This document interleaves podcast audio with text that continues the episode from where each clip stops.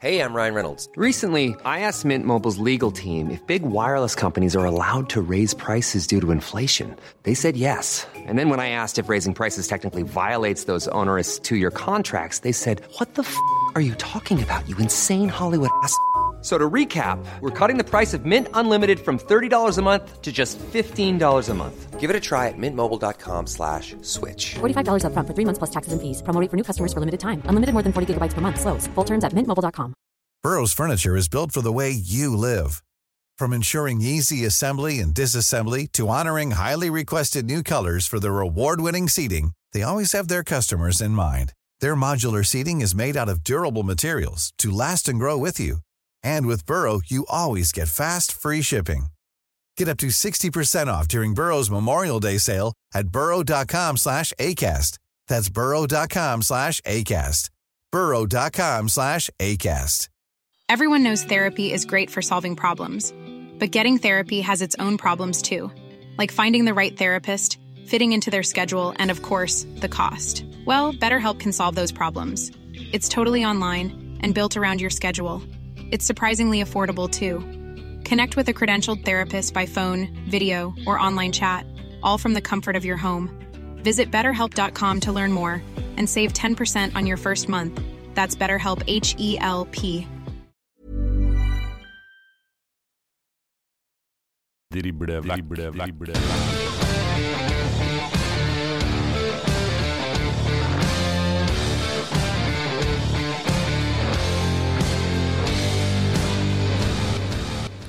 Velkommen til et nytt eh, driblevekk. Eh, Vi skal bevege oss inn mot landslagspause, og vi skal gå gjennom eh, runde tolv og matchene som har blitt spilt der.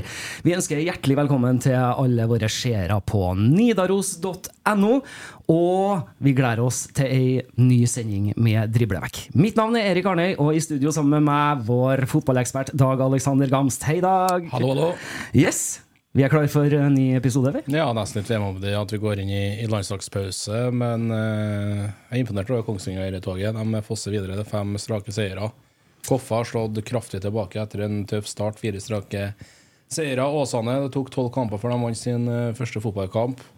Har så til de grader heng og vel så det nå på, på Bergeplass, selv om vi bare har spilt eh, tolv kamper. Bryne syns jeg sliter mer enn eh, først. eh, forventa. Så tror jeg egentlig bare introduserer gjesten på denne her måten. Amund Lutnes, eh, nettopp bekrefta.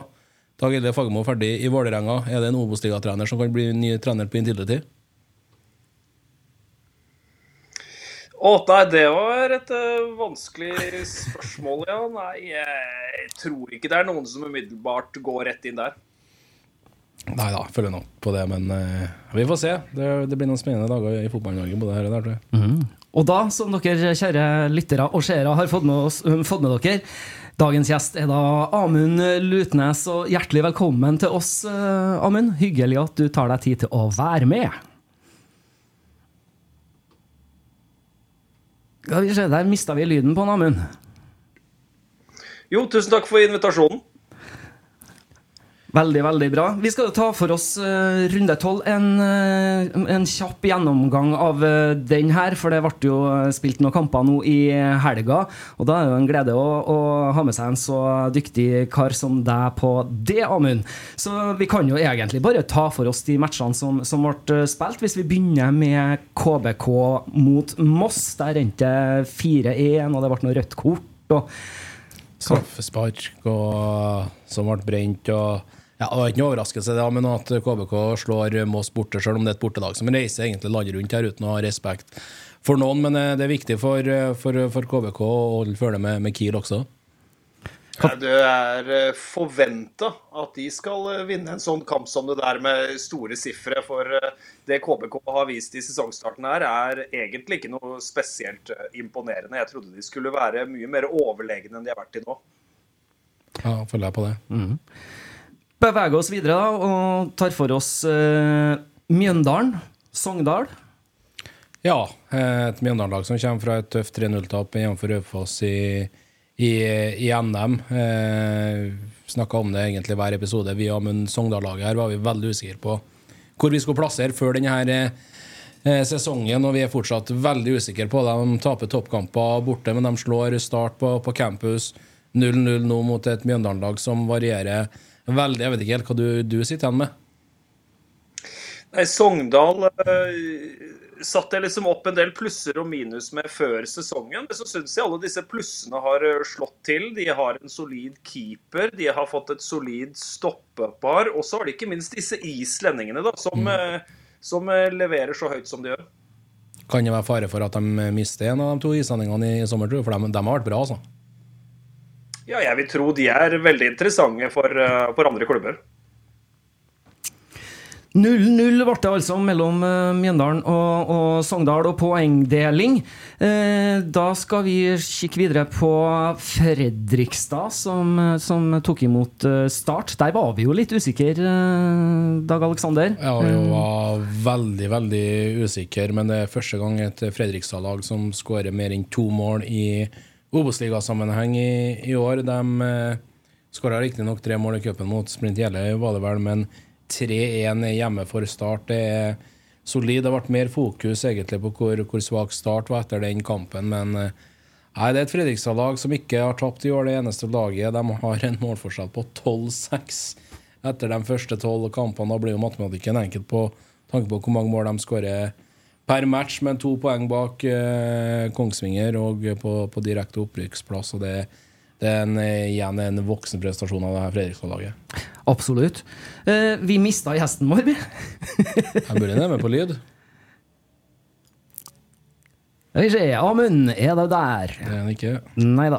Men eh, da kan vi jo for så vidt kikke litt videre vi da, på de kampene fra eh, runde tolv. For det, det er jo som du sier, det, det ble seier på Fredrikstad over eh, start. 3-1. Eh, sterk seier. Og så hadde vi et Bryne-lag som tok imot Åsane. Ja, vi var jo inne på det her i, introen. eh, Et Åsane-lag som reiser til, til Jæren. Eh, Et Bryne-lag som var favoritter, sjøl om de har variert ekstremt eh, på, på hjemmebane. Men eh, 2-0 vinner Åsane. Eh, Håkon Sjåtil og eh, Emil Silnes eh, med, med skåring. De begge skåra i bortekampen mot Ranheim. Da leda de 2-0. Da tapte de 3-2, men de eh, holdt unna. De vant 2-1 i denne matchen. Mamadou Diav med en sen redusering til eh, ingen eh, nytte. Så tolv kamper tok det da for, eh, for Åsane å vinne en fotballkamp. Vi nevnte litt i den forhåndspodden vår før denne runden, Arnøy, at vi hadde snakka med Morten Røsland før denne runden. Han var klar og tydelig på at han er fortsatt Åsane-trener og gleder seg til, til fotballkamp. Så det, den seieren her kommer selvsagt kjærkomment. Vi har beveget oss eh, litt videre, vi, Amund, og, og snakker litt om den matchen mellom Bryne og Åsane. Og endelig da, så kom den første seieren for Åsane. For en ekstremt viktig seier det var for Morten Røsland og co. Altså, dette Åsane-laget har jo ikke vunnet til nå, men spillemessig så har de så absolutt uh, hengt med. og når man kan puste litt letta ut i Åsane, så er det plutselig røde varsellamper på Bryne stadion, og de er i en uh, kjip situasjon. Men eh, mot formodning, da, hvis Åsane har tapt eh, i går, vi gikk inn i en landslagspause, har, eh, har det vært game over Morten Russland? Ja? Jeg syns alltid det der er eh, helt umulig å svare på. Jeg veit ikke hvordan dynamikken er i, på styrerommet og sånn i disse klubbene her. Og økonomien er jo ikke kjempegod. og det gjør det alltid veldig utfordrende i sånne situasjoner som det her. Det er akkurat samme som i start. Det er ikke bare å sparke trenerne. Nei, vi får komme litt mer tilbake på det. Vi skal prøve å ta for oss klubb for klubb øh, om et par minutter her. Ikke sant? Beveger oss da videre og ned til Grimstad, et annet lag som også tok en meget eh, viktig seier. Jerv slo Raufoss 1-0. Ja, de gjorde det. Jeg kommer da fra et uh, cuptap eh, eh, borte, blant annet. Og eh, ja, det var nære på slutten her at Raufoss eh, fikk med oss noe fra Grimstad. Men eh, det er et Jervelag nå som har begynt å, å plukke poeng igjen, og det, det er utrolig viktig for de tre strake seirene nå for Sandstø sine gutter. Eh, de må ha de her poengene men hvis de skal, skal være med her nå. Ja, jeg syns dette Jerv-laget her er seige, altså. De har eh, små seire og hatt en uh, veldig utfordrende skadesituasjon uh, i starten av denne sesongen. her, Så jeg er egentlig veldig imponert over det Arne Sandstø og Jerv har fått til. altså. Ja, så har de jo med økonomiske muskler utpå sommeren, her, så de kan jo forsterke ytterligere, vil jeg tro, hvis at, uh, de føler at forspranget eventuelt er alt altfor langt her. Mm. Ja, nei, De har jo en uh, rik sponsor der, men det er jo ikke en uh, sponsor som uh, kaster penger etter dem. Det skal altså sies. Det er ikke ubegrensa midler, men det er en klubb som prøver å drive så sunt de klarer. Men har jo nå endelig klart å karre seg opp på Var det gul eller grønn sone de var i nå? Nå tror jeg kanskje de var på ja, Spør du godt. Det tør ikke jeg å si. Mm. Ja, for de var ute og informerte om det, at de var så stolte at ikke de var i rød sone lenger. Da, da, da, sier vi gul. Da sier vi gul, ja. Eh, beveger oss videre. da. Tar for oss eh, Sandnes Ulf, som tok imot Hødd. Og der ble det de tre poengene de reiste fra Sandnes, dem. Ja, Hvordan forklarer du Hødd egentlig hittil denne sesongen? Eh, Amund slår Sandnes Ulf nå og har slått Kongsvinger 4-0 på Hjemselund. Og ja, Nei, det Joakim Dragsten og co. har fått til på Ulsteinvik er kjempeimponerende. Det har jo vært et veldig solid lag i mange sesonger nå, dette Hødd-laget. Og har også klart å avgjøre en del kamper i år. og Det er egentlig det som overrasker meg mest da, når de har kommet opp i Obos-ligaen. Jeg visste at de skulle være solide bakover, men at de også har krydder fremover. og At de slår eh, Sandnes Ulf på Østerhus Arena er kjempeimponerende. og dette Sandnesurf-laget, hva skal man si da? Man blir jo aldri ordentlig kloke på dem. De er det desidert mest ustabile laget i hele ligaen, og det har de vært nå i nesten ti år. ja, Det er et eh, fantastisk fenomen. Det var flere og flere som begynte å, å tippe Bryne foran Sandnes Ulf eh, i år, men eh, jeg tror Bryne skal få kamp om det, for å si det sånn. Mm -hmm. 3-1 ble det altså til Hødd der. Og så, da, var det jo det som vi spådde som et eh, rimelig eh, hekk toppoppgjør. Og det var Kongsvinger som tok imot besøk av Ranheim. Ja, det er jo en, en knallsterk prestasjon igjen av, av, Kongsvinger, som var inne på femte strake seier nå. Men det starter med at Bendik Bye brenner et straffespark for Ranheim. En strålende keeper i August Strømberg, kanskje en av ligaens beste keepere etter eh, min mening, og så får de det til, til, å spille bra her. Eh, Kongsvinger og Vinterslutt overbevisende. 3-0 langrekken Gyven og eh, toppskårer Holtan da med, med 9 nå. Det er litt sånn eh, ubeleilig nå for, for Kongsvinger at det kommer en landslagspause her, Amund? Jeg tror faktisk de aller fleste klubbene i Obos-ligaen setter pris på det nå. altså At man kan få slikke litt sår og få summa seg litt etter ekstremt mange kamper på veldig kort tid. og Sånn som kampen på Hjemslund nå, da, med kronekamp, masse tilskuere, festfotball. Det er veldig god stemning på Hjemslund nå. altså det men det sier også hvor tett det er i Obos-ligaen. Bendik Bye bommer på et straffespark. Man har noen skader i Ranheim, man har noen suspensjoner, og vips, så har man ikke sjans i et toppoppgjør. Nei, det, det, er faktisk så enkelt. Tror du Gjemsel Lund så Vegard Hansen danse også i helga? Ja, det vil jeg absolutt uh, tro. Altså, det, det smilet til Vegard Hansen nå, det går nesten rundt hele huet på nå. Ja, jeg følger ammen på det. det.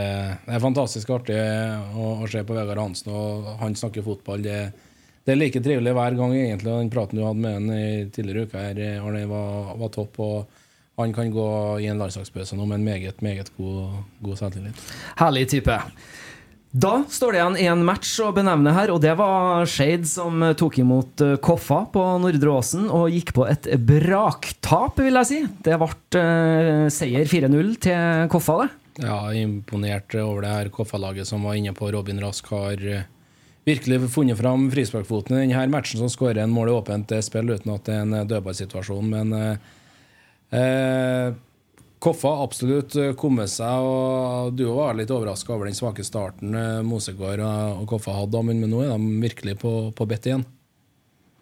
Ja, det er ganske mye som måtte sette seg i dette Koffa-laget før sesongen. Du må ta med at de sendte fire spillere til Eliteserien, og ikke minst hovedtreneren sin til Eliteserien. De måtte sette sammen et helt nytt forsvar, og det sånt tar tid, ikke sant. Og en, eh, og en, hovedtrener som aldri har vært hovedtrener før på det nivået der. Sånt er ikke bare bare, men det er så mye kvalitet i dette Koffa-laget, så jeg har egentlig bare venta på at det skulle løsne.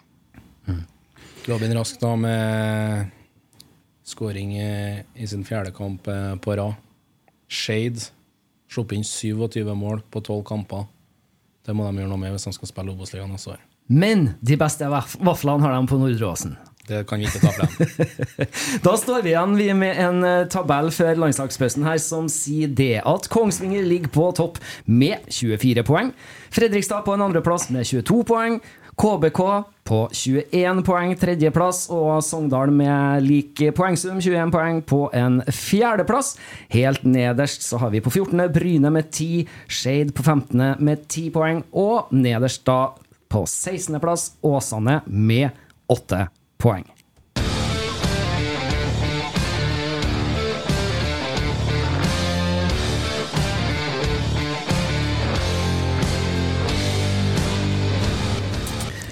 Yes, Amund. Vi har aldri fått inn så mye lytterspørsmål som til denne episoden her, når vi annonserte at du skulle komme og være gjesten vår. Så, så folk har tillit til at du har rimelig bra koll på denne Obos-ligaen.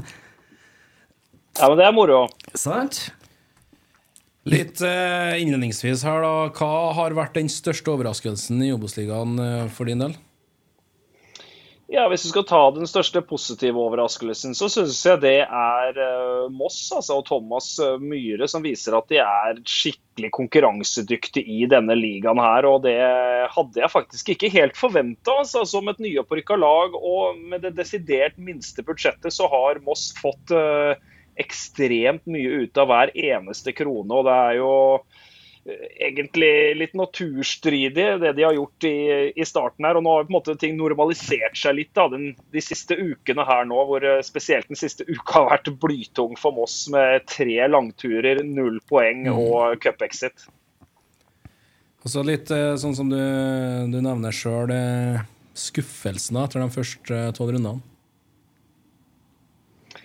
Jeg syns det er verre med å plukke ut skuffelsen. Altså det, hvis jeg kanskje skal plukke ut noe, så er det jo Start, da, som er uh, altfor uh, ustabile og ikke i nærheten av å ramse opp de gode resultatene uke etter uke som jeg hadde forventa. Kan jo fortsette litt på Start. da, Det er jo et startlag da, som, som har tapt alle Obos-ligaene, eller alle to Obos-ligakampene etter at Skogvold reiste til, til, til, Lillestrøm. Det var bra temperatur i Fredrikstad i går etter kampen blant uh, Start-supporterne. Hva tenker du om uh, posisjonen til Sindre Kjelmeland sånn som den er akkurat nå? Ja, hvor lang tid har vi? Eh, egentlig en time, men eh, vi kan prøve å være effektive. Nei, Start har jo hatt eh, mange problemer gjennom mange år. Og det er eh, en administrasjon og en ledelse som eh, man ikke hadde noe kontinuitet til over lang lang tid. Sånn som status er nå, da, så fikk man jo inn den daglige lederen som alle ønska, Terje Markussen, som uh, står bak hele denne Vipers Kristiansand-suksessen. Har jo ikke vært i nærheten av å kunne være sirkusdirektør i uh, Kristiansand. Det han har lyst til, fordi at uh, laget har prestert så dårlig. og da har ikke han så mye å jobbe med av det han er veldig god på. da, Å bygge entusiasme og alt mulig sånn når uh, man er et uh, middels lag i Obos-ligaen. Og så har man en uh, sportssjef som tar virkelig tæring etter næring. Det er jo veldig spesielt å se at en sportssjef vil at man skal senke forventningene, og en daglig leder vil øke det. Det pleier jo egentlig å være helt motsatt i de type dynamikkene der. Så Sindre Kjelmeland tror jeg enn så lenge sitter trygt i start startstolen. Men uh, det burde du ikke uh, ta meg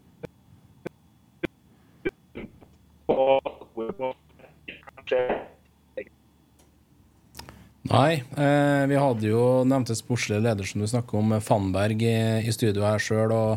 Han karakteriserer Sindre Kjelmeland som en av Skandinavias største trenertalenter. Hva, hva tenker du? Ja, Sindre Kjelmeland er et uh, kjempetalent og er uh, kjempedyktig fagmann. Men så er det noe med det å være hovedtrener i en såpass stor klubb som, uh, som Start. Da, da, må du ha masse erfaring. Du må ha stått i veldig mange av de samme situasjonene uke etter uke etter uke, år etter år etter år. Og når du ikke har det på baken, så, så blir det kjempevanskelig å være, å være hovedtrener. Vi har jo fått inn en god del spørsmål som kollega Arne snakka om her, og det har vært mye eh, rundt start, deriblant Vegard W på Twitter eh, spør deg hvem mener du bør ta over som ny startende etter Sindre Kjelmeland? Ja, Hvis jeg skal tippe hva en eventuelt ny hovedtrener blir, så vil jeg tro det er en svenske som Magne Magni Fannberg finner i Sverige, som vi garantert ikke har, har hørt om. Ja, og Geir Magne Karlsen følger på. da. Jeg lurer på om du tror om Dag Eilef Fagermo kan gjøre en god jobb som starttrener? Nei, det tror jeg aldri kommer til å skje. Det, Fagermo kommer nå til å ta seg en god pause, vil jeg tro. og, og sondere markedet i Skandinavia og se hva som kan uh, dukke opp. Jeg vil tro det, ja, det er umulig å sitte og snakke om at uh, han som akkurat har fått sparken i Vålerenga, skal ta plassen til en som ikke er sparka i start føler det absolutt på, på, på det. Men eh, Øyvind Odda eh, er også på Kjelmeland-kategorien. Mener du at Sindre Kjelmeland er den riktige kandidaten, den riktige treneren for Start? Nei, Det er et kjempevanskelig spørsmål. Det virker jo i hvert fall da, som at ikke Sindre Kjelmeland får nok ut av denne starttroppen. Jeg mener at det er og bor veldig mye fotball i denne starttroppen, og det ser jo ikke Sindre Kjelmeland til å få ut. da. Nå er han vel inne i sin ja, fjerde sesong nå.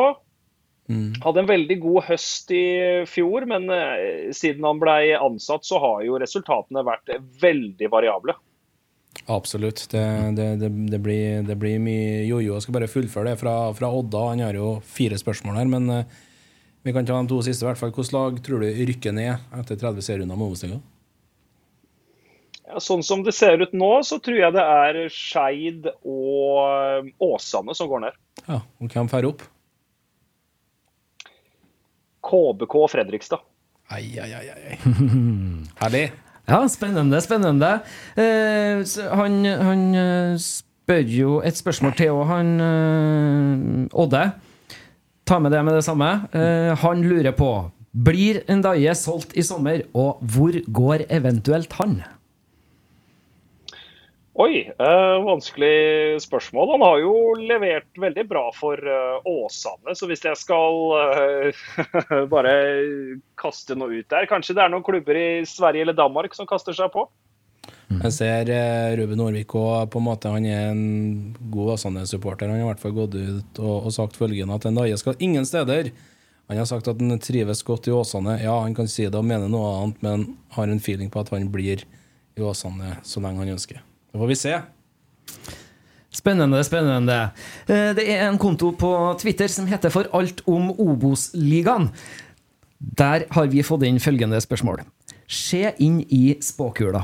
Hvilket lag tror dere at kommer til å handle mest i kommende overgangsvindu?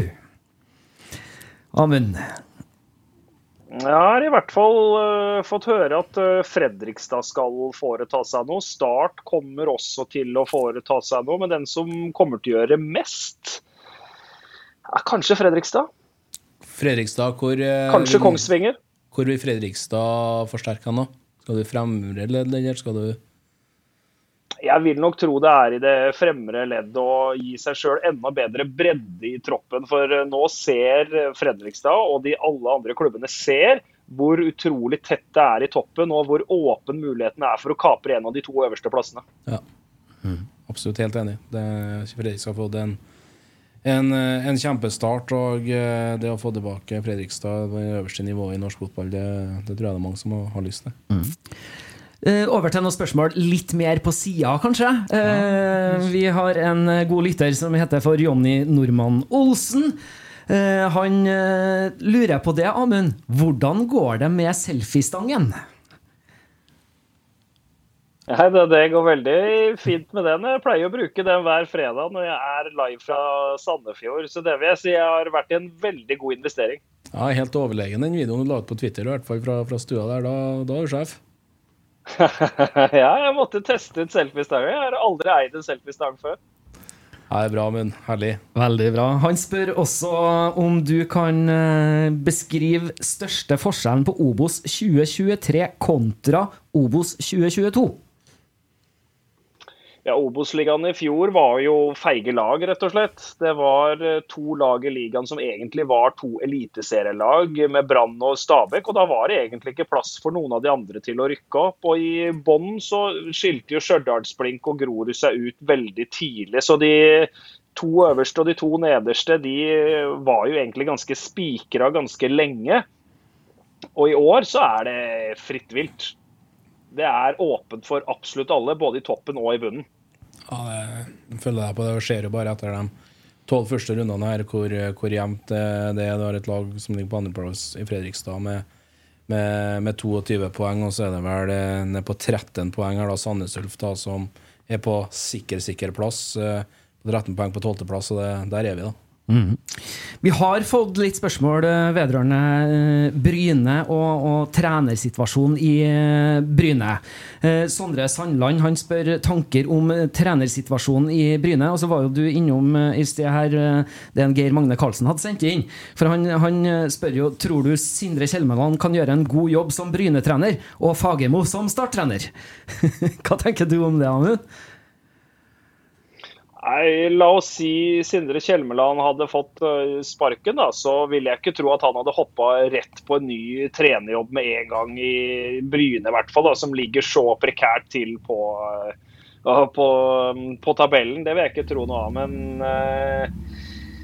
ja, trenersituasjonen i Bryne, ja. Nå begynte jo det på en måte kanskje å murre litt allerede i, um, i, fjor. Og vi husker jo alle da Kevin Knappen ble ansatt i Bryne. Det var det jo ingen som var fornøyd med i det hele tatt. Så holdt han plassen med de i uh, fjor.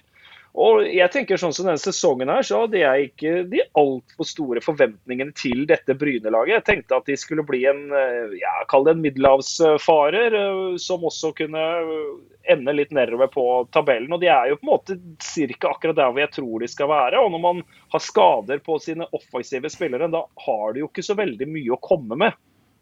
Nei, det... Så hvor mye skal vi forvente av dette Bryne-laget egentlig? Hva forventer B-gjengen at de egentlig skal få av Bryne?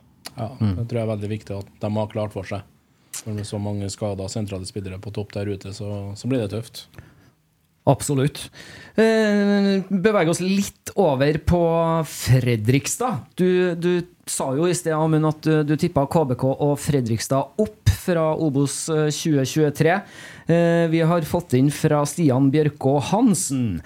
Nå har jaggu FFK begynt å skåre mål også! Dermed et spørsmål fra en FFK-supporter som begynner å bli farlig optimistisk. Hvorfor rykker Fredrikstad ikke opp i år? Ja, hvorfor de ikke rykker opp? Nei, det er eh, da fordi at det er et eller annet lag som akkurat karrer seg foran dem. For jeg tror dette Fredrikstad-laget kommer til å henge med helt inn. Og hvis det skal være en kandidat som virkelig skal være sterk bak Fredrikstad, så tenker jeg Start. Og så begynner jeg også å tenke litt på Vegard Hansen og Espen Nystuen, som virkelig har noe veldig spennende på gang i de dype skoger oppe på Hjemsløen. Altså. Så det er kanskje grunnen til at Fredrikstad ikke rykker opp forsterke Arne litt på, på den Fredrikstad-biten. Eh, vi hadde jo en prat med, med Tor Tronsen på telefon forleden her, og han følger jo Fredrikstad tett. Eh, det er et Fredrikstad-lag som vinner kamper, tar poeng, men spiller dørgende kjedelig fotball. Hva, hva hører du i miljøet på, påvirker det, det stemninga rundt klubben? Ja, i hvert fall nå før startkampen. da, Men jeg vil jo tro at det har snudd litt etter kampen nå sist mot mot, eh, mot, start. Da var det jo faktisk eh, et uh, sprudlende Fredrikstad-lag som også skåra tre mål. Det har de gjort bare én gang tidligere denne sesongen, her, og det var i cupkampen mot Sprint Jeløy. Så jeg tror nok det der er på vei til å snu. Man har satt en beinhard struktur defensivt, og nå ser det kanskje ut til at det også løsner offensivt. Ja, det blir, det blir, veldig spennende å se. Det kan hende at dette var starten på både å fortsette å ta trepoengere for FFK og spille underholdende fotball. Så absolutt. Jeg har lyst til å snakke litt mer om deg, Amund. Nå har vi snakka mye om alle andre. Eh, du eh, Jeg har vært inn på bloggen din og kikka her, jeg, vet du.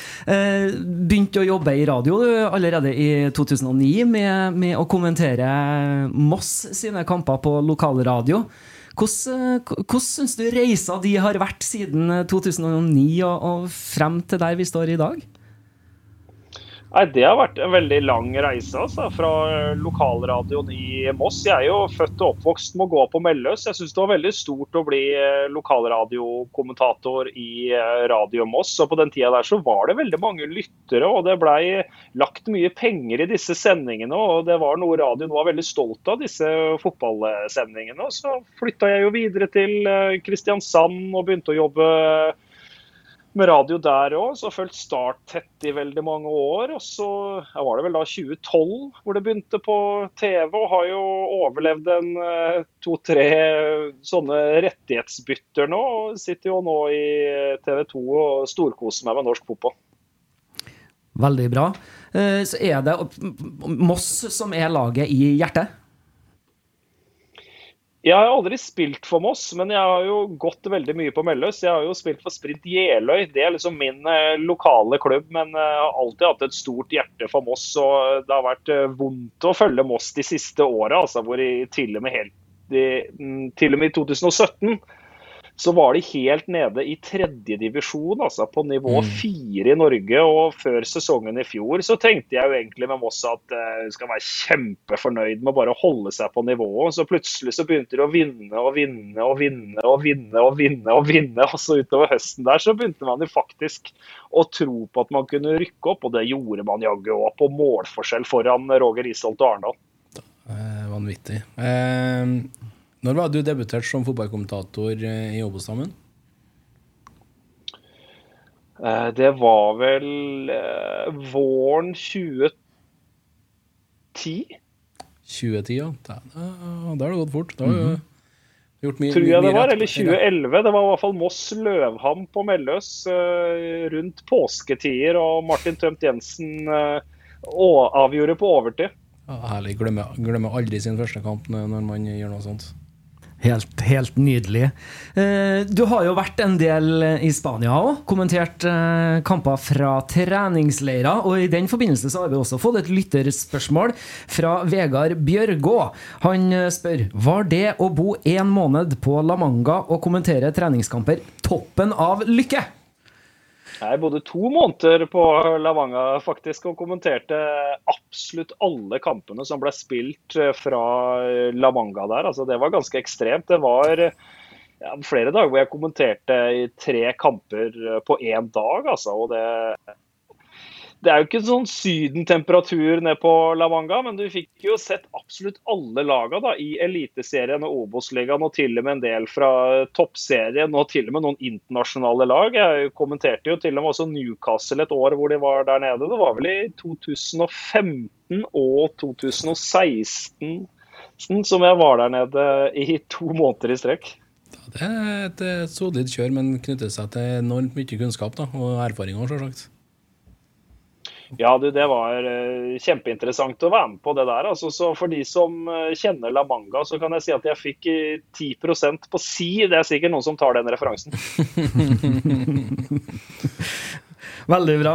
Eh, hvis vi beveger oss inn i et uh, lytterspørsmål til her, så har vi Eivind som har sendt oss eh, følgende spørsmål, og det er da retta til deg, selvfølgelig. Hva gjør TV 2 bra med tanke på dekningen av Obos, og hva bør de gjøre bedre?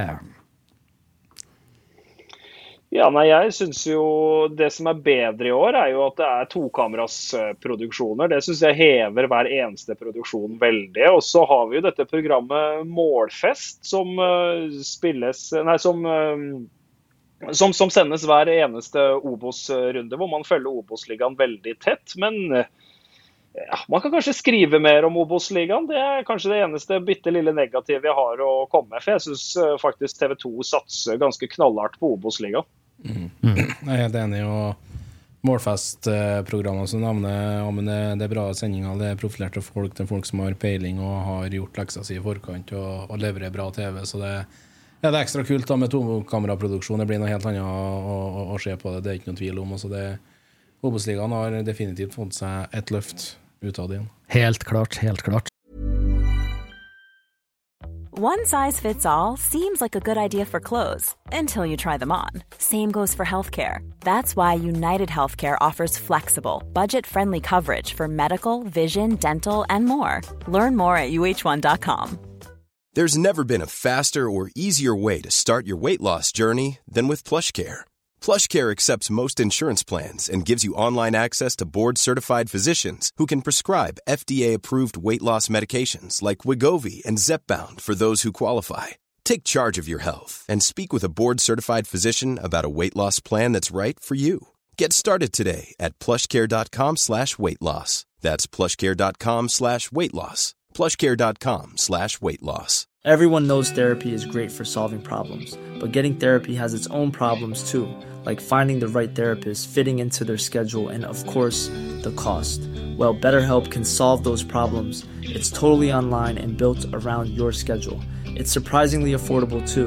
Connect with a credentialed therapist by phone, video, or online chat, all from the comfort of your home. Visit betterhelp.com to learn more and save 10% on your first month. That's BetterHelp, H E L P. det ryr jo inn med lytterspørsmål her, da, vet du, så vi må jo bare peise på og, og eh, få tatt unna dem òg. Eh, ekstremt glad i fotball, men Nordlink86, Moss-supporter, spør her. Hvor deilig er det med en fotballpause nå, Amund? Ja, nå skal jeg videre inn i en podkast i morgen. Da. Så etter det så tar jeg litt fri framover. Og jeg syns faktisk det er litt uh, deilig. Det har vært et uh, salig kjør nå i, noen uker. og Alltid godt å få det litt på avstand, ikke sant. Så merker du at uh, når det har gått en liten stund at nei, fader, nå vil jeg ha mer. kan, du, kan du si litt hvordan arbeidsuke ser ut for deg? Nei, jeg syns jeg har bare forskjellige arbeidsuker eh, hver eh, eneste uke. Så det er liksom ikke en sånn typisk uke for min del. Det blir jo veldig mye reising rundt omkring. Jeg kommenterer jo både Eliteserien, Obos-ligaen og Toppserien, og er innom målfest og er innom uh, Fotballekstra. Og så er det kanskje en podkast uh, her og der, så det er ikke en typisk uke.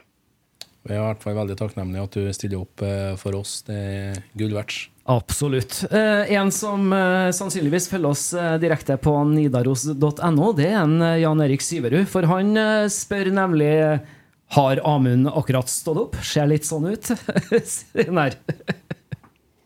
Nei. Du, jeg har egentlig akkurat dusja, det er bare det. Og så har jeg ikke tatt noe gelé eller Jeg tar ikke gelé, det gjør jeg faktisk ikke. Jeg bruker voks. Ja. Men du, vi skal sende deg en liten gave fra Driblevekststudio uh, ute i uka her. Så skal du få nydelig hårvoks fra Hufs uh, i posten fra oss her, vet du, Amund. Jeg er helt overlegen. Men litt sånn eh, tilbake til, til, til klubbene her. Vi har, vi har, vært gjennom litt, men vi mangler ganske, ganske mye òg. Eh, vi har jo et lag oppe i Trondheim her som er det nordligste laget i Obos-ligaen, som heter Ranheim. Nye trener i Kåre Ingebrigtsen eh, fikk en veldig bra start, men har variert litt i det siste. Nå taper borte mot Kongsvinger og, og Start i, i toppkampene. Syns de er overbevisende i premieren mot Jerv og likeens hjemme mot, mot Sogndal.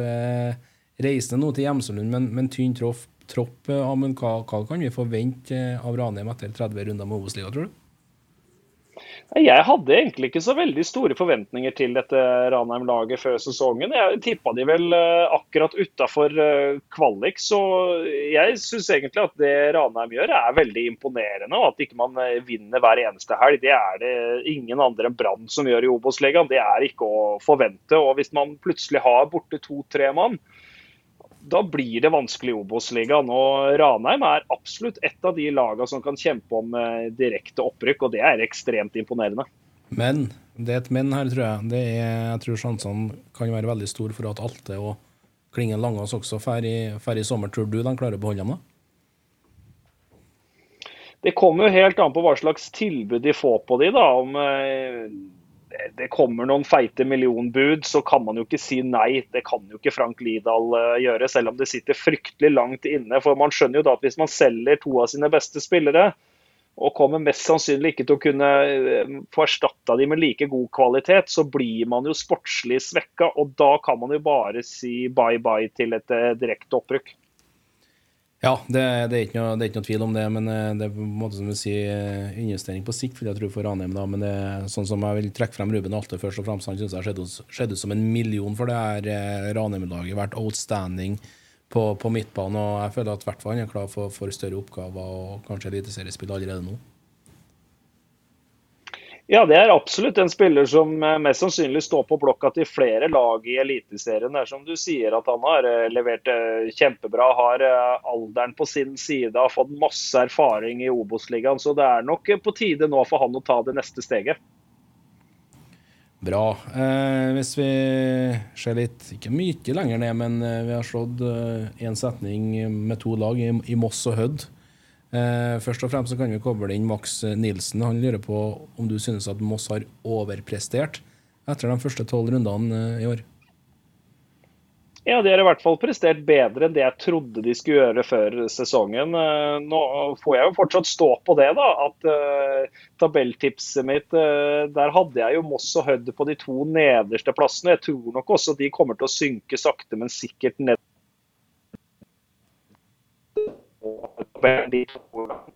de viser jo igjen da, disse la jo gjøre det bra i Obos-ligaen første sesongen. Mm. Mm. Ja, vi òg har de to helt eh, nederst. Vi begynte å bli litt nervøse etter de første åtte-ni kampene. Vi får se da om, om, om det, om det blir, blir rodd inn land igjen. Men jeg syns Moss har vært ekstremt bra på, på hjemmebane. Slo Sogndal deriblant der. og De tapte mot Sogndal, selvsagt, men de slo Jerv på, på Melhus. Så får vi se da hvordan fortsettelsen blir for Myhre sitt mannskap, som har ytterst små ressurser å, å spille på. Men nå skal det jo sies da at et, tabelltips skal jo være tabellen etter 30 kamper. Det er jo ikke et, tabelltips for de ti første rundene, så man må jo få gjort opp uh, alle kampene før man, uh, før man, sitter med fasiten om dette tabelltipset er en fiasko eller ikke. Ja, det er klart. Ekstremt godt poeng. Uh, alle 30 runder skal spilles. Uh, vi eh, driver og følger alt om Obos-ligaen på Twitter her, og etter runde 12 så har de kåra Emanuel Grønner hos FK Jerv til rundens storspiller. Enig i det, Amund? Ja, og jeg syns jo det er veldig spesielt at uh, Sogndal låner ut en spiller som de mener at de ikke har uh, bruk for per dags dato, som er så god for en direkte konkurrent i Obos-ligaen. Han har jo levert kjempebra for Jerv, har vært akkurat det Jerv har trengt det, med de skadene som Jerv har nå. Ja, absolutt. Jeg syns det, det, det, det, er en merkelig overgang fra, fra Sogndal side. Grønner syns jeg har vært spennende over lang tid. og jeg lurer på om de fort kunne trengt den sjøl òg. Mm. Uh, vi kan ikke slippe uh, Fagermo-temaet helt, føler jeg. Uh, helt uh, brennferske nyheter når vi gikk inn i studio her nå, om at, om at han og klubben har skilt lag. Så, så Eivind sender oss oppfordringer om at vi må kanskje ta en liten femminutter over hvem er det som er potensielt å ta over VIF? Da kan jeg svare først, Amund. Ja, hvem vil? Ja, ja hvem vil? Det tenker jeg også noe som er mulig å kaste ut her. For at, uh, det er ikke noe lett klubb å gå inn i. Altså, jeg tror kanskje det beste for Vålerenga nå er å er å se til utlandet og eh, et menneske som kommer inn der som først og fremst har mye erfaring. Det tror jeg er veldig viktig. Og ikke har noen knytninger til norsk fotball i det hele tatt og kan få lov å begynne helt med blanke ark i eh, Vålerenga. For uh, klanen de er De har store forventninger til, til Vålerenga, og da, da må det inn en trener med skikkelig pondus, altså. Har du noe, skal vi si, har du fått noe eller fyrt noen SMS-er til tidligere kollega Jokke Jonsson. Dere har jo skapt for mye bra TV sammen, dere to.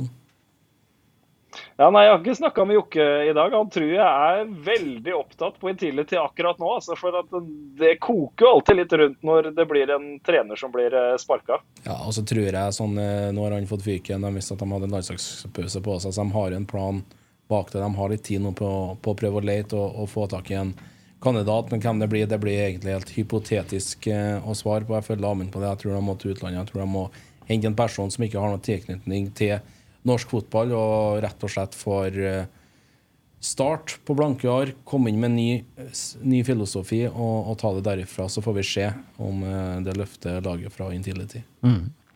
Eh, jeg leser jo her i pressemeldinga at eh, Jan Frode Nordnes er mannen som trer inn og er midlertidig hovedtrener fra og med i dag. Så får vi se hvor lenge Jan Frode Nordnes får lov til å, får lov til å være det. Han har jo tidligere faktisk vært da, hovedtrener i Eliteserien for, for Odd.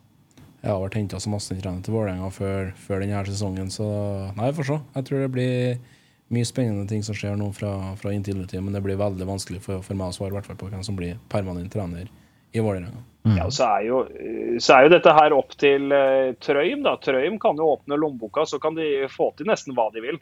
Ja, det, det, det, det er faktisk så enkelt. Mm. Eh, vi må stille eh, spørsmålet som eh, han Olai Årdal veldig veldig ofte sender inn til oss. I begynnelsen av sesongen så drev han ved hver episode og sendte inn spørsmålet Rykker Sogndal opp? Du har jo svart nå, Amund, at du tenker KBK Fredrikstad er de to kandidatene. Men, men hva tenker du? Ja, nå har jo Sogndal vist til nå at de absolutt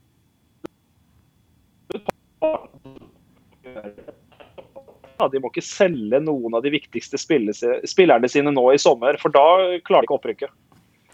De gjør ikke det, men så at vi òg har litt kontakt med, med, dem som leder ligaen, et Kongsvinger-lag som er i fryktinngytende form. Vi har fått inn et spørsmål fra Bjørn R også. Får vi eliteseriefotball tilbake på Hjemsalund neste sesong?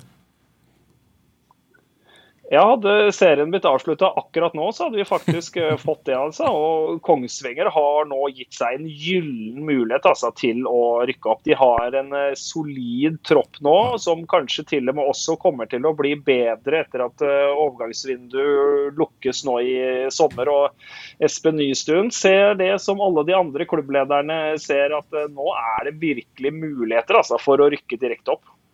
Ja, det ville vært fantastisk for dem, sjølsagt. De satser tøft nedpå her, og nå har de virkelig satt seg i en god, god, god posisjon. Mm. Litt uh, artig en her fra Geir Magne Karlsen. Nå starter snart stolleken i Eliteserien og Obos. RBK sparker Rekdal. VIF sparker Fagermo. Start sparker Kjelmeland. Bryne sparker Knappen. VIF ansetter Rekdal. Start ansetter Fagermo. Bryne ansetter Kjelmeland. Hvor havner Knappen? Kanskje i Arendal? Og hvem tar over Rosenborg? ja, det har jo pleid å vært litt sånn storlek de siste åra i uh, Eliteserien og i Obos-ligaen. At det er mange av de samme trenerne som går igjen i de forskjellige klubbene. Men jeg tror ikke akkurat det som blei uh, eh, kasta ut der, kommer til å, um, kom, kommer til å skje. Obos-ligatrener i fjor, Jørgen Isnes, var Altså motsatt lag sine trenere for Vålerenga og Fagermo, som fikk Fagermo til å takke for seg fra Intility. Ja, så storleken, den lever. Definitivt. Det er mange varianter av storleken. og Denne her var en av de mest eh, avanserte slagene, men eh, ja, vi får se. Mm. Vel, eh, vi snakka litt om det i sted. Amund, eh, ta Koffa først. Mosegård nå har begynt å få fart på det. Det er en ting vi har stilt oss et sentralt spørsmål om i ganske mange episoder av denne podkasten. Det er Nåsa Dahl, som reiser snart nå til Bodø og Bodø-Glimt. Han syns jeg har starta få kamper for det her Koffa-laget. Eh, har du en mistanke om hvorfor? Ja, men Han har ikke vært uh, god nok. Han uh, har ikke vært helt uh, mentalt på plass, sånn som jeg har forstått det. Og Vi må jo også ta med her at Nåsa Dahl før sesongen i fjor ble henta som en tredjedivisjonsspiller fra Oslo-fotballen. Og plutselig, ett år eh, etter, så skal han nå være en spiller som skal spille Europacup for eh, Bodø-Glimt. Det har gått ekstremt fort med Nåsadal. Han var fantastisk god i eh, fjor. og det er jo en ung gutt, dette her, som har blitt Som, som egentlig har fått forandra hele livet sitt da, på veldig kort tid. Og det er faktisk noe vi også må ta med i miksen her. Det er ikke bare bare de store omveltningene han har vært igjennom.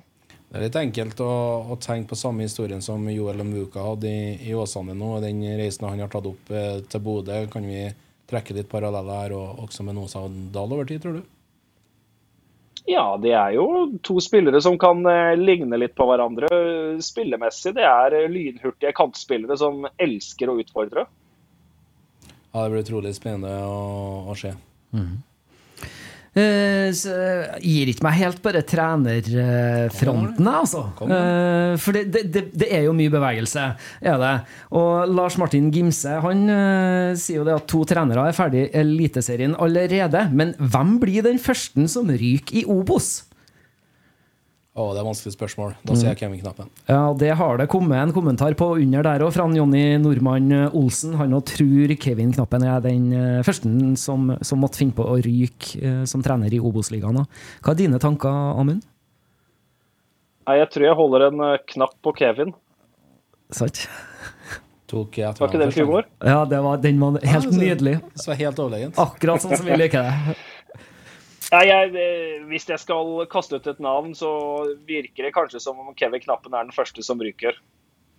Ja da. Eh, det, det gir mening, da, for å si det litt beskjedent. Mm. Det er jo andre som, som spiller inn uh, Morten Røsland her, som, som, kandidat. Jeg tror kanskje han har forrige hvis de har tapt mot Bryne i går. Ja, nå får jo han eh, landslagspausen her nå da, til å terpe, terpe. Mm. At eh, han har seg ekstremt mange mål, og det kan man rett og slett her.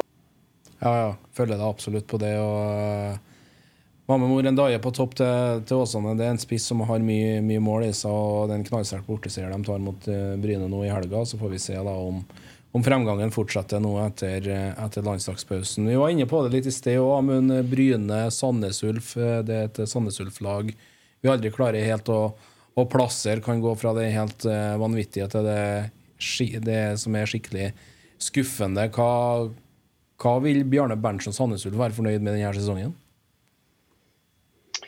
Nei, Det vil jo være veldig skuffende hvis man ender utafor uh, kvalik. da. Jeg syns jo på en måte startelveren til uh, Sandnes Ulf er ganske god, men noe som Bjarne Berntsen har snakka mye om de siste åra, og egentlig helt siden han ble ansatt, er jo at uh, jeg kommer til å satse på mange unge lokale spillere. og Da kommer vi til å variere veldig mye. Og Nå ser det kanskje ut til at Andreas Hiem er da den neste spilleren som eh, Sandnes Ulf skal eh, selge. Så får vi se om det blir eh, nå i sommer eller etter sesongen. Ryktes vel arvtaker etter Mølle Wolfe i, i Brann, ikke det som snakka litt om? Ja, du, Det er absolutt en god mulighet og vil være en veldig riktig signering av Brann å hente en ung og fremadstormende spiller. Robin Rask da, i Koffa, hvor, eh, hvor lenge ble han der? Er han, er mister Koffa, eller? Ja, At ikke Robin Rask har blitt snappa opp en eliteserieklubb tidligere, har egentlig overraska meg. For at det Robin Rask viser i år, har egentlig han vist i mange år i mm. Obos-ligaen. Altså. Så hvis det skal være en klubb som eh, Robin Rask skal spille eliteserie for, så tror jeg kanskje det blir rett og slett eh, KFM Oslo. Altså at jeg må rykke opp med KFM Oslo for å spille eliteseriefotball. For det har overraska meg rett og slett at eh, ingen eliteserieklubb har hoppa på han.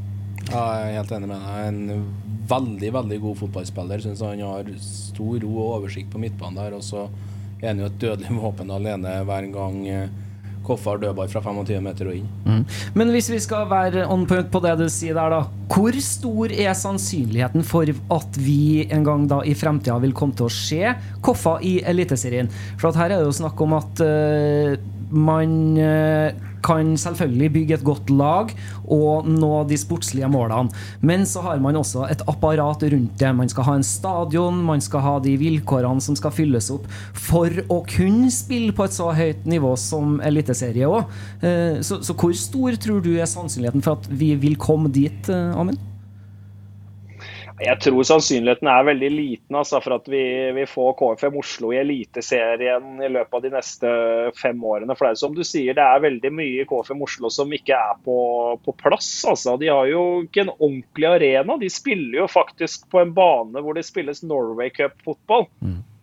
Ja. Og Det er jo veldig spesielt altså på et så høyt nivå. Dette her er jo en stor debatt da, om uh, arenaene i uh, Oslo, hvor uh, det har vært diskutert opp og ned i mente angående denne KFM Arena da, som de ønsker å ha på plass. Men det er på et politisk plan, så selv de i klubben har ikke 100% kontroll på når dette byggverket skal reises.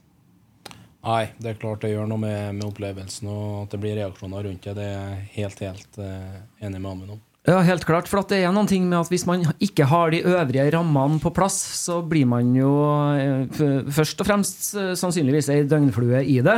Men, men samtidig så, så, skal det jo oppfylles en del vilkår for å kunne få lov til å spille på, på det nivået. Så, så veien er nok, er nok lang, som du sier. Det her eh, Mjøndalen-prosjektet til, eh, til, Kevin eh, Nicol. Eh, hva er din dom over det hittil? Nei, det er uh, Hva er det de sier på Kompani Lauritzen? At de er på norm?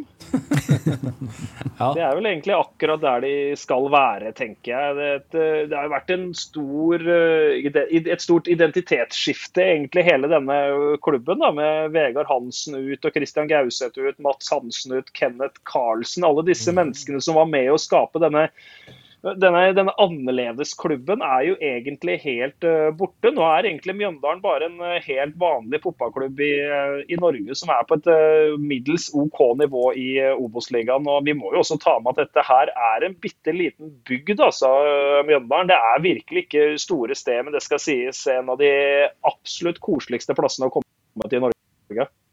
Ja. Mm. Nei, det følger jeg på det, Amund. Og det, et, ja, det, ble, det ble, historisk var det ikke, men de var første laget som slo Hødd på Hødvollen på hva vi fant ut her, nesten tre, tre, år? Ja. Det var Snakka ikke vi 2019? Ja, tre, Seint 2019. Så det er imponerende. Men det er jo forlengelse av at uh, Hødd fikk en mann utvist på, på 1-0, og kreftene gikk tom. Men uh, det får være en OK happening for det Mjøndalen-laget hittil. Mm. Vi har jo eh, som nevnt tippa Hødd og Moss eh, helt nederst eh, på tabellen i vårt resultattips, vi også, i likhet med deg, Amund. Men per i dag så er det jo Åsane som ligger der. Og han godeste Ruben Nordvik han lurer på om vi kan si noe om hva vi mener har vært problemet til Åsane. De vinner endelig en kamp, men hvorfor skjer det som skjer? Savner Åsane Valsvik, og savner Valsvik Åsane? Føler at hans kvaliteter er det som mangler i det her laget, skriver han. Ja, Kristoffer Walsvik eh, hadde absolutt vært en kjempestor bidragsyter for eh, dette Åsane-laget. Men jeg, jeg syns de slipper inn altfor enkle mål, og da blir det helt umulig å vinne fotballkamper i denne ligaen her. når man uh, når man eh, kommer bakpå med kanskje ett til to mål veldig ofte, da er det kjempevanskelig å ta igjen. Men ja, Kristoffer Walsvik kunne kanskje vært en eh, slags eh, løsning her. Men nå er jo ikke Kristoffer Walsvik en Messias, det skal sies. Han er ikke det. Litt over til, til Meløs igjen og, og, din hjemmebane i Hermetangen. her. Amund Syverud er på offensiven på, på, sosiale medier. Han lurer på hvem som har imponert deg mest i Moss hittil i år? Jeg syns uh, Makoso på midten har vært en uh, klassesignering. Og så syns jeg også Claudio Brava, den portugisiske spissen, uh, viser at han har absolutt noe på dette nivået her å gjøre. Altså, har vist det ved flere glimt i løpet av denne sesongen. Men absolutt en knapp på Makoso, altså, som har vært akkurat den type spilleren som Moss trengte i denne dype sekseren. Er det en kjempeoverraskelse om Moss berger plassen i år? Nei, ikke sånn som uh, situasjonen er nå. Så vil det heller være brutalt skuffende hvis de, uh, hvis, hvis de, rykker ned. For nå har de allerede en god del poeng i banken, og man uh, kommer garantert til å ta flere poeng på hjemmebane i år. Det blir spennende å følge med på, på, på, fortsettelsen. Vi begynner å nærme oss deadline her, men det er et par klubber ikke har hatt et skikkelig dypdykk ennå. Det, det er Jerv. Eh, Tror du den skadesituasjonen innledninga på denne sesongen fort kan koste dem eh, en retur til Eliteserien? Ja, Nå syns jeg de på en måte har kommet greit ut av det. da, Med å lånt inn Sondre Auklend og Grønner som de har fått uh, lånt inn. så De har nok tetta litt av de hulla, men jeg tror nok ting hadde sett annerledes ut med Peter Wilson og Erlend Hustad, som jeg syns er et veldig godt uh, godt, godt spisspar. og Når man heller ikke har Leandro og Fernandes, så vil det mm. også gjøre noe med at man har ikke ordentlig bredde i troppen. Man uh, har ikke mange nok spillere på trening til å pushe hverandre og sånne ting. Så det der er kjempeviktig. De tre siste seirene til, til Jerv har vært ettmålseiere. Så får vi se om de bare fortsetter nå etter eh, landslagspausen. Arne Sandstø er en, en luring. Han vet hva som skal til. Altså. Han gjør det. Hvem tror du Amund, at eh, vil nyte best av denne eh, landslagspausen eh, blant Obos-lagene? Jeg tror nok det blir veldig godt for Start f.eks. Altså, å få en liten pust i bakken. Og kanskje også Bryne og Kevin Knappen hvor det koker litt ekstra. Da er det greit å få samla seg i, i flere dager på rad nå å få lagt en god plan for høsten. Og ikke minst også disse sportssjefene rundt omkring da, som eh, kan få sondert markedet ordentlig for å se hva man virkelig eh, trenger å få inn i sommer. Det er Raufoss-laget, da. Eh, Tore Trondsen var veldig klar på det til oss. Han, synes, han er- ble veldig overraska over at Raufoss har plukka såpass med poeng som de har gjort hittil ut fra tropp. Og det har vært et uh, trenerskifte der òg. Hva er dommen din fra Toten? Nei, Det har jo også vært et stilskifte i uh, Raufoss. da. Man har lagt om formasjonen. og Det er jo ikke bare bare å bytte ut Christian Johnsen, som har hatt så stor suksess gjennom så mange år, for å eh, og så plutselig bare bytte, bytte ut han, da, bytte formasjon. og Så har man også vært litt uheldig med skader. ikke sant? Markus Jonsgaard har vært ute lenge, og det er jo deres beste spiller. og Det er på en måte litt sånn man ofte ser i Obos-ligaen. Hvis man har én til to skader på sine beste spillere, så blir man skikkelig skadelidende av det. Én seier altså på, på, de, på de siste ti. Det er Ja, vi får se. Ti poeng. Har en jobb å gjøre. Ikke sant? Eh, litt tilbake til deg, Amund. Du har jo kommentert fotball nå i eh, uten stans, skulle jeg til å si, i eh, 14 år. Eh, så du begynner å ha Maskin der, altså. Maskin. ganske bra rutine på baken. Eh, hva er din optimale drøm som, som fotballmann? Hva, hva er din visjon, og hva ønsker du for fremtida for deg sjøl? Nei, jeg syns jeg egentlig sitter ganske godt i det akkurat nå. Jeg er egentlig ganske fornøyd av det. og Regningene blir betalt, og jeg kan eh, nyte norsk eh, fotball. og Da syns jeg det er en veldig god kombinasjon. Så du skal ikke tilbake i radioen? Nei, det må eventuelt bli noe gjestevisitt. Altså, jeg syns det er eh, mye bedre å eh, jobbe med TV enn med radio, selv om, eh, selv om radio er veldig morsomt. Og det som også er litt kult med å lage radio, det skal ikke så veldig mye til. Skal man lage TV, så er det mange kameraer og mange kabler og hit og dit og, og mye som skal på plass. Men det å kunne sende radio kreves mye mindre. Altså, jeg kosa meg skikkelig med radio, men eh, jeg koser meg faktisk enda mer med TV. Hva er det som gjør at uh, Obos-ligaen gjør det så interessant, spennende og utfordrende å jobbe med for din del? da? Egentlig norsk fotball eh, generelt. Da, for eh, her må man få maks ut av de pengene man har tilgjengelig. Det er ikke noe sånn å bare skippe ut en spiller eller en trener for at ikke det helt eh, fungerer. Det er det ikke noe økonomi til. og Det er på en måte derfor jeg har falt av helt med internasjonal fotball. for at det, Der er det bare en sånn bruk og kast-mentalitet. Men i Norge så må man virkelig utvikle og og være- være smart eh, hele tida. Det, det er på en måte noe av det som fascinerer meg mest med norsk fotball. Også at vi får en helt annen nærhet til uh, trenere, spillere og supportere og media. Ja, det er ikke så lange avstander mellom ting, og folk er åpne. og Folk vil for det aller meste de andres eh, beste for å pushe produktet da, frem i, fre, fremover. Selv om ikke alle er så glad i dette, dette begrepet produkt når det kommer til eh, fotball. I hvert fall veldig artig å se at TV 2 har tatt norsk fotball tilbake. De har tatt det på, på alvor. og synes, ja, egentlig, jeg vil si Fra januar har de begynt å levere de her oppkjøringssendingene. og Reisende med det ene teamet etter det andre ned til, til La Manga, Marbella. Hvor var det, nei, det var en kjempestart. og Utviklinga på det produktet tror jeg blir bare bedre og bedre. Og så har de rettighetene nå i seks deilige år fremover.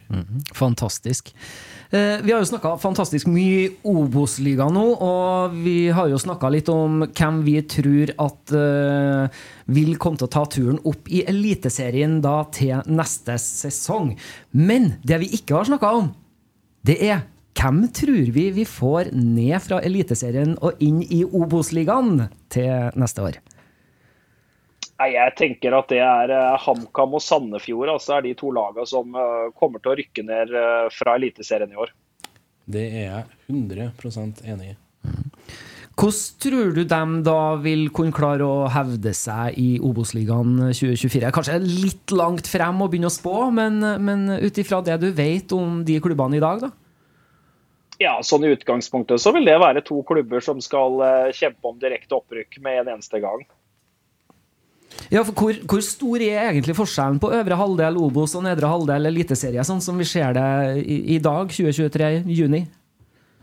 Ja, sånn Rent sportslig så tror jeg ikke det er så veldig stor forskjell. Men når man har vært i Eliteserien, og spesielt vært i Eliteserien gjennom flere år, så får man en helt annen økonomi gjennom eh, medieavtalen. Altså det det er nok det som gjør det største utslaget på, på klubben. At man kan ha en mye større tropp da, enn man kan ha i uh, Obos-ligaen, hvor man uh, kanskje ofte har en 12-13 mann som kjemper om plass i startelveren. Og i Eliteserien så kan man kanskje være at det er en 15-16 mann som er med og kjemper om en startelverplass. Mm. Gjenspeiler seg litt i de cupresultatene vi også har fått se nå, at, at, nivået kanskje ikke er så veldig ulikt på, på nedre elite og, og øvre Obos?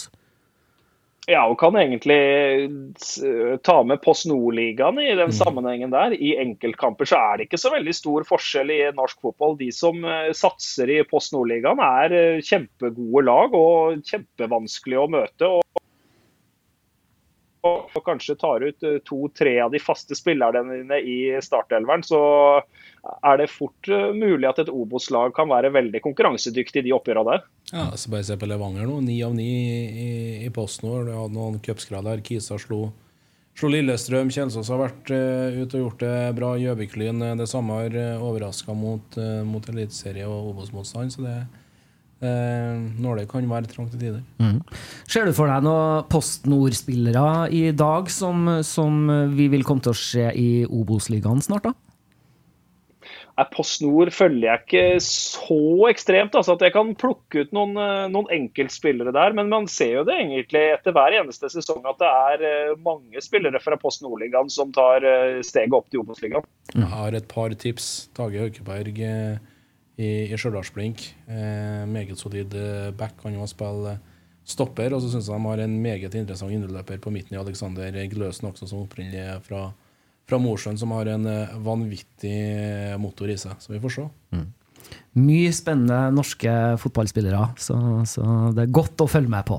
Det er det, heldigvis. Mm. Eh, et lag ikke har vært helt innpå her, men, men Skeid syns de har en bedre tropp i år enn i i fjor, men, men, de leker jo som ei sil bakover, da, med som vi nevnte, 27 innslupne etter de første, første 12. Eh, det blir kanskje litt på stålet for Gard Holme sitt mannskap i år å berge plassen? Ja, nei, De må rett og slett bare terpe forsvarsspill nå. Altså, for Man kan ikke slippe inn så mye mål som de eh, gjør. og De har jo flere kule og gode offensive spillere, men eh, det har ikke så veldig mye å si altså, i uh, målprotokollen når man slipper inn så mye mål som de gjør. så Der må de rett og slett gjøre en uh, kjempejobb. og Jeg vil jo også tro at Gard, Gard Holme og co. tenker på det her hver eneste dag, og at det til og med sikkert også går utover nattesøvnen. Ja, jeg syns det har vært en veldig rufsete åpning fra, fra Skei. De har to seire. Den ene er 0-4 mot Ranheim i Ranheimsfjæra. Så slo de Bryne da i tabellnabomatchen 2-0 på Nordre Åsen. Så får vi se da om eh, Holme sine menn har gått av en landslagspause der forsvarsspill står øverst på, på lista. Mm. Har kanskje litt å lære av Fredrikstad? Ja, Går an å ta en telefon til, til Michael Thomsen. Det gjør det. Mm. Hva tenker du, når jeg først nevner da, Fredrikstad? Eh, de har jo begynt å skåre litt mer nå, men, men, hva tenker du er nøkkelen deres for at de skal kunne klare å, å få den opprykksplassen? Eh, de, de, klarer jo å holde tett bakover ganske godt, men, men hva er nøkkelen? Nei, Nøkkelen er å bare dyrke det offensive spillet og forte å være veldig gode defensivt. Så tror jeg dette Fredrikstad-laget faktisk rykker opp. Altså, kanskje de også tilfører én til to spillere inn i, i startelveren sin også nå i sommervinduet. Så blir Fredrikstad kjempefarlig utover høsten. Altså, for de har vært så solide i forsvar, og så har de en mm. knallgod keeper i Håvard Jensen. Ja.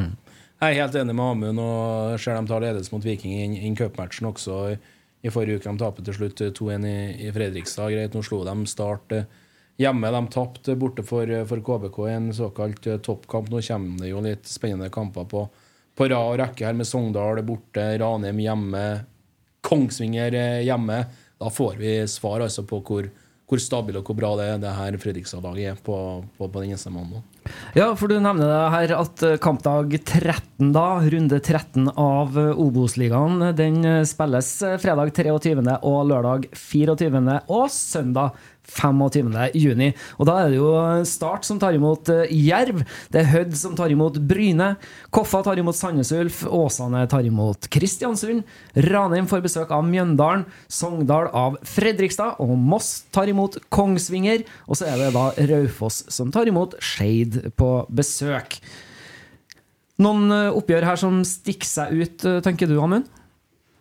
Ja, Det er jo spesielt uh, Start uh, Jerv-kampen som mm. skiller seg ut. Den blir jo kjempeinteressant å følge. Og Jeg skal jo opp til Saftbygda jeg og kommentere Sogndal mot Fredrikstad. og Det gleder jeg meg veldig til. Ja, Det skjønner jeg du gjør, og jeg er veldig spent på om Sogndal nå klarer å følge opp i en ny toppkamp på hjemmebane etter at de slo Start. Fredrikstad har slått Start hjemme. Det blir en skikkelig godbit. Skjønner at du gleder deg til å opp eh, til Sogndal for å kommentere den matchen, for det, det, blir veldig veldig spennende. Og Det er da lørdag 24. juni. Det er det. Så det er bare å komme seg gjennom landslagspausen. Og så får vi bare heie på våre beste, at de slår Skottland og Kypros, så vi fortsatt har håp om EM i, i Tyskland i, i 24. Hva tenker du om de mulighetene, da, Amund, når vi først benevner det? Nei, Det er jo ikke snakk om noe annet enn seks poeng eh, på de to kampene vi har eh, foran oss nå. Det er, det er virkelig ikke snakk om noe annet. Altså. Men nå har vi med Brauten, og da øker sjansene våre betraktelig for poeng. Vi har rett og slett verdens beste spiss med oss i, i de to kampene og, og, og forhåpentligvis ut eh, EM-kvaliken. Det er et utrolig spennende landslag Ståle Solbakken rår over. og Hjemme mot Kypros og Skottland slår ikke, tar ikke seks poeng på de kampene. Da fortjener vi heller ikke en EM-plass. Enig, Amund? Ja, ja, 100% Det er uh, ikke noe å si imot det. Seks poeng er det eneste vi skal være fornøyd med nå uh, på de to kampene. Helt enig. Uh, det begynner å bli på tide for oss å runde av. Vi har bekka litt over en time den gangen her, og det er jo fordi at vi har med oss så fantastisk herlig og kunnskapsrikt gjest i dag. Atlas. Atlas. Atlas. Ja. Så det vi må takke deg hjerteligst, Amund, for at du tok deg tid til å eh, være med oss eh, nå i kveld. Og så håper vi jo selvfølgelig at vi skal få lov til å få deg med i en episode helt mot slutten av sesongen igjen, sånn at vi kan oppsummere det denne herlige Obos-ligaen som, som, vi har blitt så glad i. Ja, da må jeg bare si tusen takk for invitasjonen. Ja. Da ønsker vi deg god landslagspause, og etter hvert, eh, når den tid kommer, god tur opp til Sogndal for å kommentere første match etter eh, pausen der. Og ha ei riktig god fotballuke. Takk, det samme. Yes. Helt nydelig og overlegent eh, besøk. Ja, For en oversikt den mannen har! Ja, jeg syns det oppsummerer det godt. Og nå fikk vi en pod der vi har sett litt på de første tolv kampene. Vi fikk òg Eh, et innblikk i, i alle klubbene, så alle er involvert. Så det er kjempebra. Så tabellen er deretter etter de tolv rundene eh, som vi nevner her. Så får vi se hvem som tar noen byks opp på tabellen, og eventuelt om det er noen som er uheldige og må klatre litt ned òg. Absolutt. Vi skal runde av. Følg oss gjerne i sosiale medier. Vi er både på Twitter og Instagram. Driblevekk søker du opp eh, der. Og så er det sånn at eh, både denne episoden og tidligere episoder går det an å se i opptak både på nettavisen.no og på nidaros.no. Det går det faktisk an å bruke landslagspausen på, Dag, Alexander? Ja, det syns jeg er veldig fornuftig prioritering. Og så tror jeg det er viktig å legge vekk på det at vi tar i hvert fall ikke landslagspause. Vi er tilbake neste mandag òg. Det er vi. Det blir ikke noe før runden spesial til helga. Men på mandag er vi tilbake med en ordinær episode. Ja, så da er det bare å følge oss der. Den går selvfølgelig også direkte på nidaros.no, og vil bli liggende i opptak på nettavisen.no. Vi takker for følget for denne gangen. Mitt navn er Erik Arnøy. Vår fotballekspert Dag Alexander Gamst. Og ønsker dere ei riktig god fotballuke. Takk for følget. Drible vekk, drible vekk, drible vekk.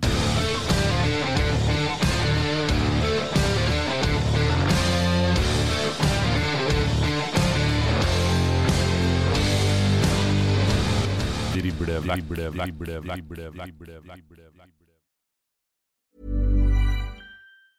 Mom deserves the best, and there's no better place to shop for Mother's Day than Whole Foods Market. They're your destination for unbeatable savings, from premium gifts to show-stopping flowers and irresistible desserts. Start by saving 33% with Prime on all body care and candles. Then get a 15-stem bunch of tulips for just $9.99 each with Prime. Round out Mom's menu with festive rosé, irresistible berry chantilly cake, and more special treats. Come celebrate Mother's Day at Whole Foods Market. Mom deserves the best, and there's no better place to shop for Mother's Day than Whole Foods Market. They're your destination for unbeatable savings, from premium gifts to show-stopping flowers and irresistible desserts. Start by saving 33% with Prime on all body care and candles. Then get a 15-stem bunch of tulips for just $9.99 each with Prime. Round out Mom's menu with festive rosé, irresistible berry chantilly cake, and more special treats. Come celebrate Mother's Day at Whole Foods Market.